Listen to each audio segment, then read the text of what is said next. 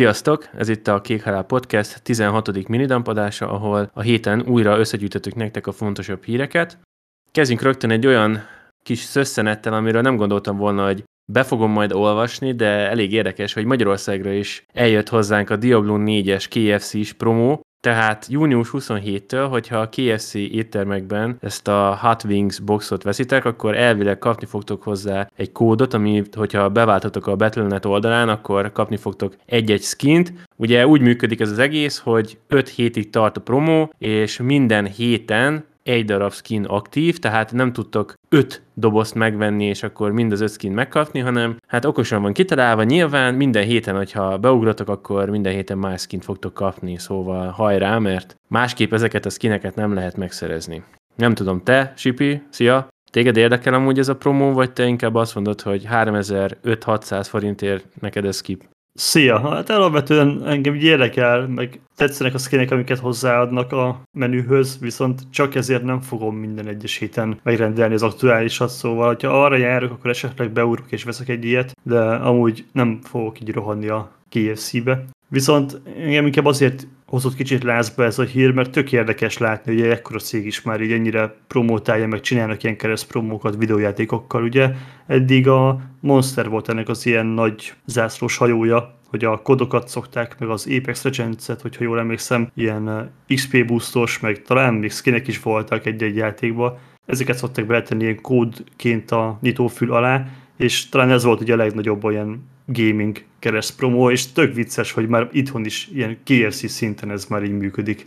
Frankó csak itt a Ja, egyébként én a Tesco-ba láttam, még pár hónapja volt a Kellogg's gabonapelyeken is ilyen Xboxos promó, azt hiszem pont a Game Pass-hez valami, ha jól emlékszem. Meg a pringles is van ilyen Logitech-es promó, szóval most úgy tűnik, hogy ezek a cégek így tudják, hogy a gamerek miket szoktak kajálni, és akkor tudod így megpróbálják egy kicsit megtorni a szekeret. Szerintem pár hónapja említettük azt, lehet, hogy az még tavaly volt, nem is emlékszek már rá, mikor, de a Red Dead Redemption-nek a remasterjét ugye elkaszálták talán, mármint úgy elkaszálták, hogy kicsit kispadra tették a GTA 6 miatt, és most úgy tűnik, hogy mégis van valami a háttérben, lehet, hogy mégsem lett ez annyira parkoló pályára téve, mivel Dél-Koreában játékminősítő és adminisztrációs bizottság adatbázisába bekerült, tehát valami fog történni. Nem tudom, te mennyire vagy érdekelt ebben? Semennyire megmondom őszintén, hogy én az előző résszel sem játszottam, mármint hogy a, sem a kettővel, sem az egyen nem játszottam, ez így a pontos, és amiket én néztem róla videókat, meg streameket, és így én értem, hogy ez mennyire zseniális játék lehet, de nekem egy picit sem fogott meg. Sem az univerzum nem érdekel, sem a játékmenet. Szóval nem, én ezt ki fogom hagyni. Van épp elég más a tarsajban, hogy ne kelljen ezzel foglalkozom szerencsére. Én egyébként a Series megvettem ezt a 2010-es Red Dead Redemption-t, és Ugye ez is ilyen backward compatible cím, és 30 FPS-sel megy sajnos, szóval ez egy kicsit olyan... Mm, húztam a számat, mert ha jól tudom, akkor a nagy tesóján, tehát a Series x pedig ott megy simán 60-nal. Ráadásul még ha jól tudom, akkor 4K-ban is. Hát ez kicsit szomorú volt így ezt felfedezni, de hát mindegy, kicsi kis konzol, hát ennyi fért bele. Minden esetre én figyelemmel fogom követni, mert nagy valószínűséggel meg fogom venni, mert PC megvan a kettő, azt elkezdtem, elég sokat nyomtam vele. Ugye az pont egy előzmény történet az egyhez, szóval még nem maradtam le igazából semmiről. Én kíváncsian várom, hogy lesz-e valami, de egyetértek veled, szóval ezt már 25 ezerszer elmondtuk, de én is csak ismételni tudom magamat, hogy kurva sok játék van még, ami várat magára. Ez is köztük van egyébként a listában, csak hát igen, most akkor megint meg kellene venni.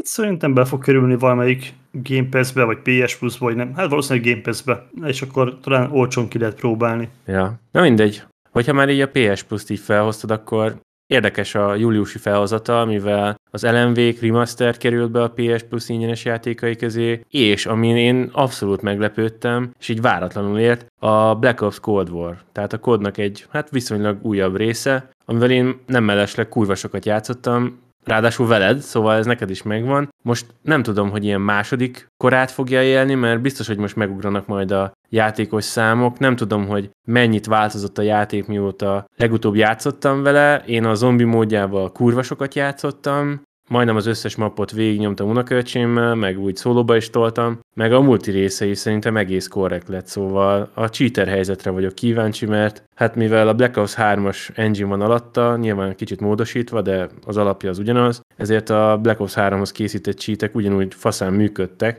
és hát voltak érdekes dolgok, és nem igazán láttam az, hogy az Activision bármit tenne ez iránt. Most nem tudom, hogy ez konzolon mennyire lesz jelen, vagy ott milyen csalások vannak, de minden esetre, hogyha kipróbáljátok, akkor ezt vegyétek számításba, hogy lehet, hogy beleszaladtok egy-két pofonba.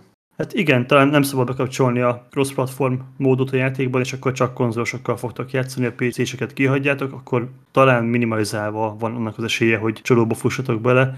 Én nem tudom nem trollkodásnak felfogni ezt a Sony részéről, hogy beraknak a júliusi havi játékokba egy gyakorlatilag mindjárt Microsoft tulajdonú játékot, és egy olyan játékot, ami a Microsoft adott ki Xboxokra remasterelve. Tehát, hogy ez, ez mi? Ez nem tudom, melyiket feltűnte.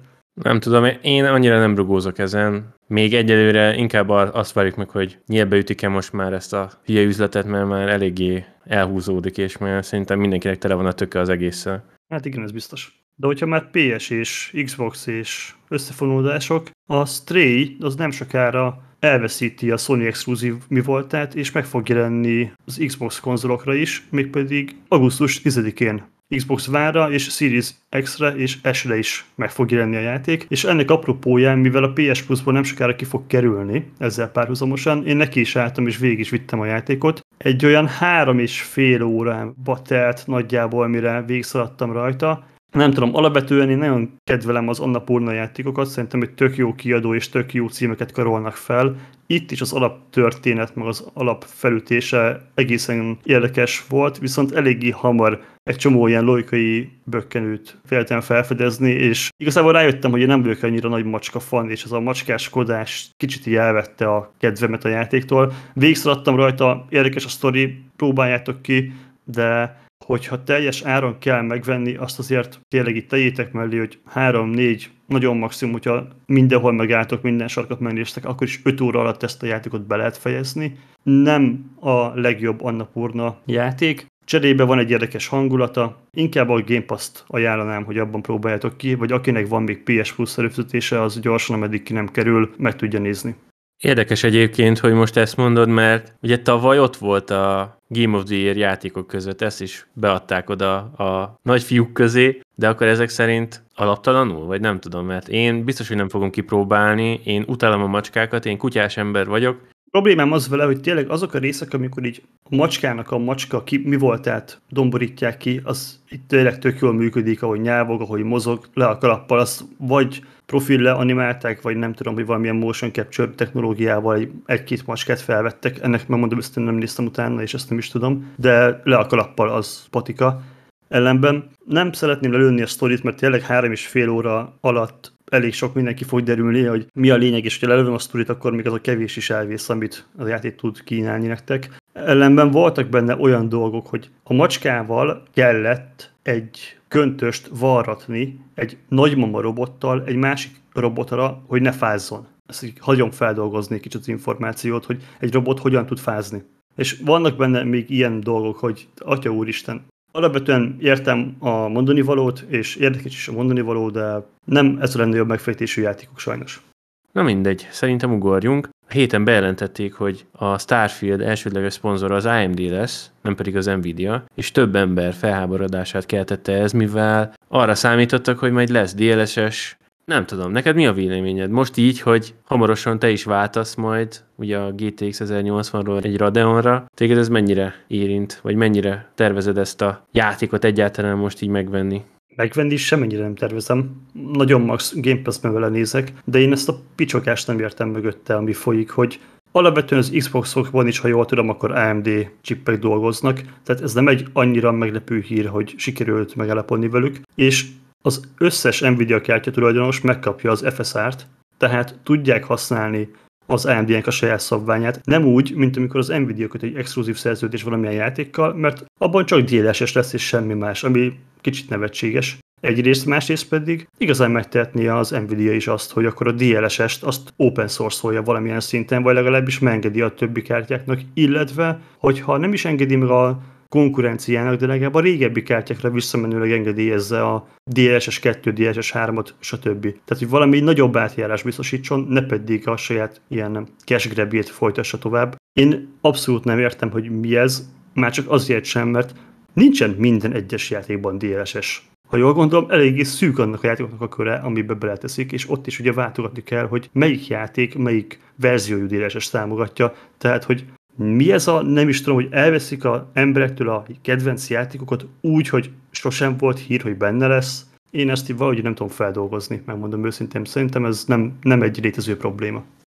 Itt most hadd reflektáljak rád, tehát ugye ez az Nvidia-s DLSS, ez a tenzor magokat használja. Az Nvidia kártyákon dedikált hardware van, szóval nem hiszem, hogy a, például az AMD kártyákon, ami ugye nincs ez a hardware rajta, azon jól futna. Erre példa, most ez nem tudom, hogy mennyire volt mesterségesen visszafogva, de az ezres szériában is megengedték ugye a DLSS-t, azt hiszem meg volt valami ilyen másik technológia, ami csak a 2000 szérián működött a tenzormagok miatt, de később, egy pár hónapra vagy egy-két évre rá engedélyezték ugye az ezresen is, és ott nagyon rosszul mentek a dolgok, tehát ott nem tudom, hogy ezt direkt csinálták, és marketing, hogy na látjátok, mégiscsak meg kell venni az új kártyát, mert a régi nem működik, vagy nem olyan jól, szóval ez amiatt nem fog működni. A másik meg az, hogy engem is felbasz, hogy ne erre menjünk már rá. Most, most mindenki erre pörgött rá, hogy szarul van optimalizálva valami, és most már a DLSS-re vár mindenki, hogy legyen a játékban, meg az FSR. Szerintem inkább legyen az, hogy faszán optimalizálják kurva játékokat, de ugye látjuk az idei felhozatalból is, meg az utóbbi évekből is, hogy sajnos a PC portok kurva szar állapotban jelennek meg, és én nem gondolom azt, hogy ez lenne az irány. Tehát ne az legyen már, hogy most az ilyen upskilling